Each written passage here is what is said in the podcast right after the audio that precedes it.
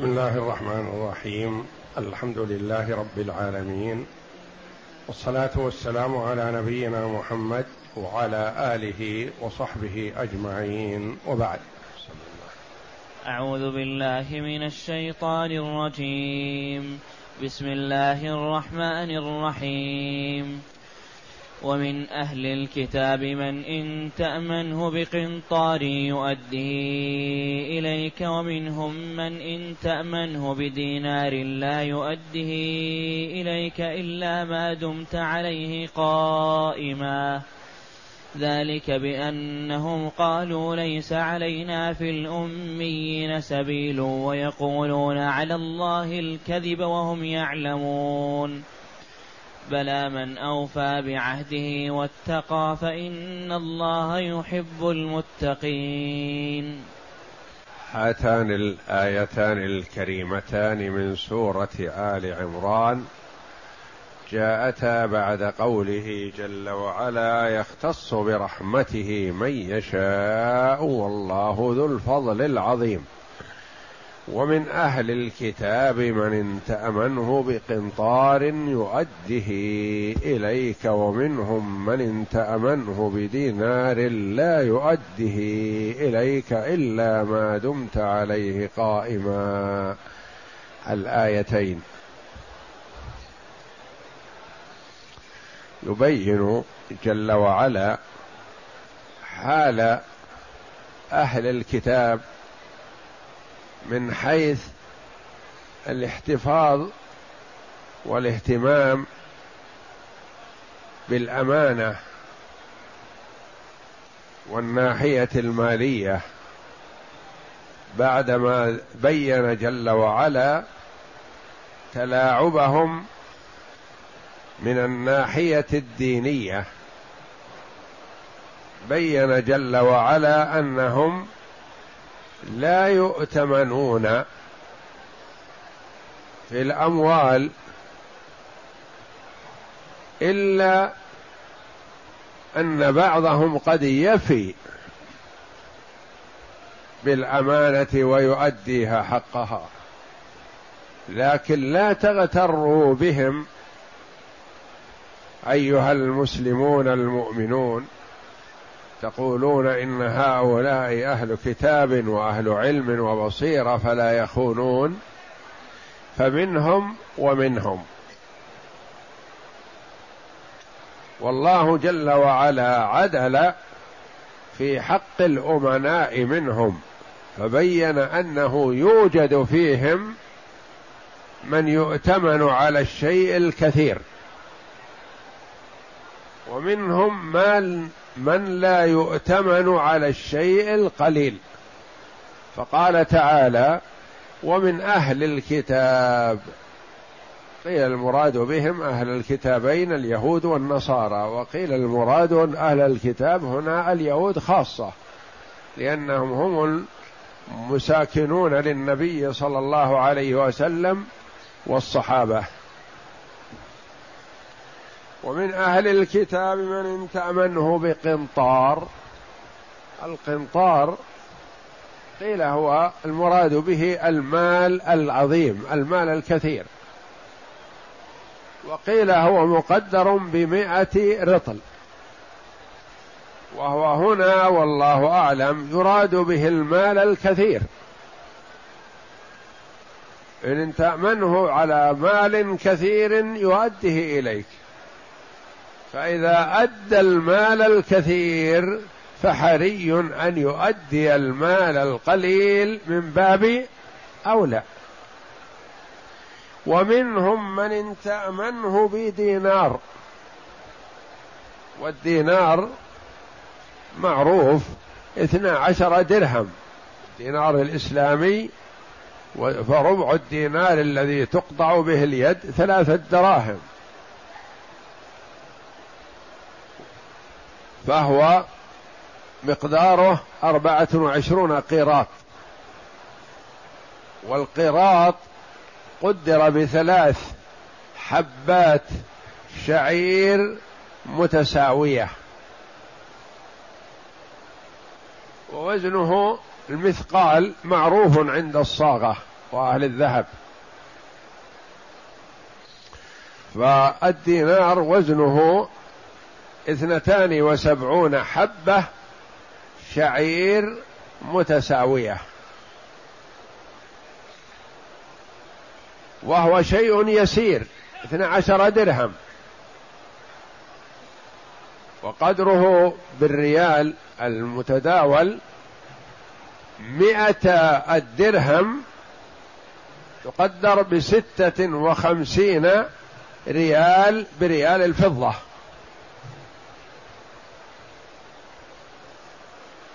ومنهم من ان تأمنه يعني تجعل عنده أمانة أو تبيع عليه بكذا وتأمنه في القيمة ونحو ذلك بدينار لا يؤده عليك إلا في حال ما يعطيك إياه ينكرك ويجحدك ويماطلك إلا ما دمت عليه قائما يعني قبل أن تبتعد عنه.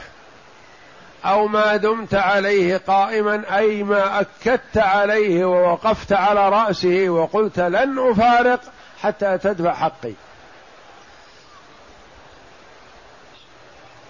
إلا ما دمت عليه قائما يعني ما يعطيك إلا إياه إلا بكلفة ومشقة. لما؟ ذلك بأنهم قالوا ليس علينا في الأميين سبيل. افتروا وكذبوا على الله وقالوا ما للأميين أحله الله لنا. والمراد عندهم بالأميين هم من ليسوا من أهل الكتاب. يعني خذ من مال المشرك مال المسلم مال أي شخص ما شئت ولا حرج عليك. ويزعمون أن هذا في كتابهم. ذلك بأنهم قالوا ليس علينا في الأميين سبيل يعني ليس علينا حرج. نأخذ من أموالهم ما شئنا نظلمهم ولا ولا يضرنا ذلك. لأنهم يقولون ليسوا على دين حق لا المسلم ولا المشرك كلهم ليسوا على دين فأي شيء تأخذه من هذا الرجل مسلما كان أو مشركا هو حلال لك. وافتروا على الله كذبا بأن هذا في كتبهم. وقيل في سبب نزول هذه الآية أنه كان لأناس من المشركين من أهل المدينة أموال على اليهود. فلما جاء الله بالإسلام وأسلم المشركون من أهل المدينة جاءوا يطالبون اليهود بأموالهم التي عندهم. قالوا لا ما دام تركتم دينكم السابق أحل الله لنا ما عندنا ما نعطيكم إياه. وهذا أحله الله لنا أعطانا الله إياه لأنكم بدلتم دينكم. وإذا بدلتم دينكم فما لكم لنا حلال. يفترون على الله الكذب بذلك. جاء رجل لابن عباس رضي الله عنهما فقال إنا نكون في الغزو. وحولنا أهل الذمة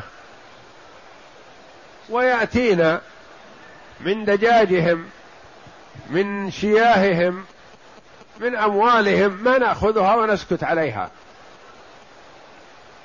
ونقول إنهم أهل ذمة يعني كفار.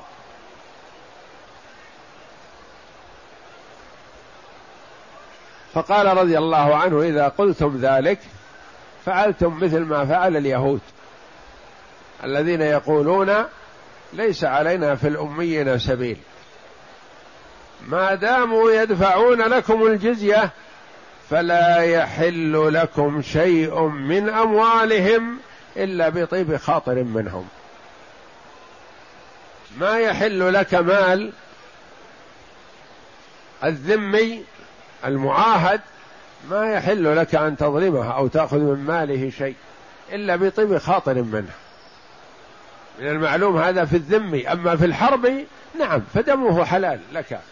فضلا عن ماله. الحربي المحارب فدمه حلال. لكن الذمي الذي يدفع الجزية أو دخل البلاد بأمان أو بذمة هذا ما يجوز لك أن تتعرض له في نفسه ولا في ماله ولا في محارمه. ويحذر ابن عباس هؤلاء وهم مجاهدون وغزاة في سبيل الله يقولون نقول هذا مال الكفار. ونأخذ من مالهم الشاة والدجاجة ونحو ذلك. وقال إذا دفعوا لكم الجزية فلا يحل لكم من مالهم شيئا إلا بخيط بخاطر. أما إذا أبوا دفع الجزية وحاربوا وأعلنوا العدا فهؤلاء دماؤهم حلال وأموالهم من باب أولى. ذلك بأنهم قالوا ليس علينا في الأميين سبيل. ما علينا حرج. اليهود يقولون ما علينا حرج في مال المسلمين أو مال المشركين.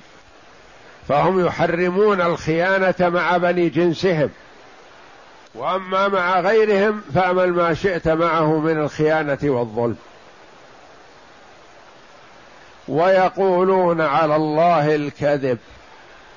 يعني ما ينسبون هذا الفعل إليهم ينسبونه إلى الله تعالى الله.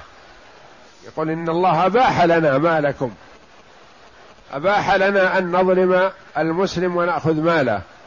يفترون على الله الكذب وهم يعلمون أن هذا افتراء وكذب. ليس عن جهل وإنما عناد وتعمد للظلم والعدوان. ويقولون على الله الكذب وهم يعلمون. فمقتهم الله جل وعلا وذمهم في هذا وحذر المسلمين من أن يأتمنوهم على شيء كما حذر المسلمين من أن يتشبهوا بهم أو يقعوا فيما وقعوا فيه. قد قال عليه الصلاة والسلام كل أمر من أمر الجاهلية تحت قدمي إلا الأمانة. فأد الأمانة إلى من ائتمنك ولا تخن من خانك. إذا ائتمنك شخص ما مسلم أو كافر أيا كان فلا تخنه.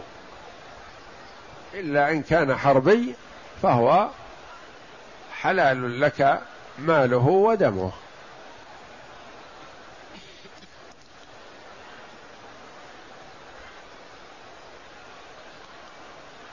بلى.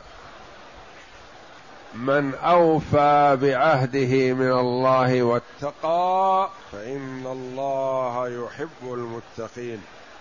بلى من أوفى بعهده واتقى فإن الله يحب المتقين.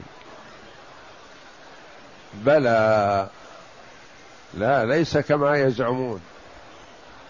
ولا يحل لامرئ مال غيره مسلما كان أو ذميا أو معاهدا أو مستأمن أو أي نوع من أنواع الكفار غير المحاربين. من أوفى بعهده الذي يوفي عهده ويتقي الله جل وعلا ويحذر الظلم فإن الله يحب المتقين. ومن أحبه الله جل وعلا فهو السعيد في الدنيا والآخرة. فالإسلام يحث على الأمانة والصدق مع كل من تتعامل به معه ممن يباح التعامل معه. وهكذا كان سلفنا الصالح يتعاملون بالصدق والأمانة التجار نشروا الإسلام بحسن معاملتهم. كثير من البلدان دخلت في الإسلام بسبب عمل المسلمين الخير بأمانة المسلمين وصدقهم. ومع الأسف الشديد الآن كثير من المسلمين ينفر عن الإسلام بخيانته وغدره وغشه وكذبه. فتخلى كثير من المسلمين عن أخلاق الإسلام. إن الإسلام يأمر بالصدق والأمانة والمحافظة على الأمانة والعهد والبعد عن الكذب والتزوير والغش والخديعة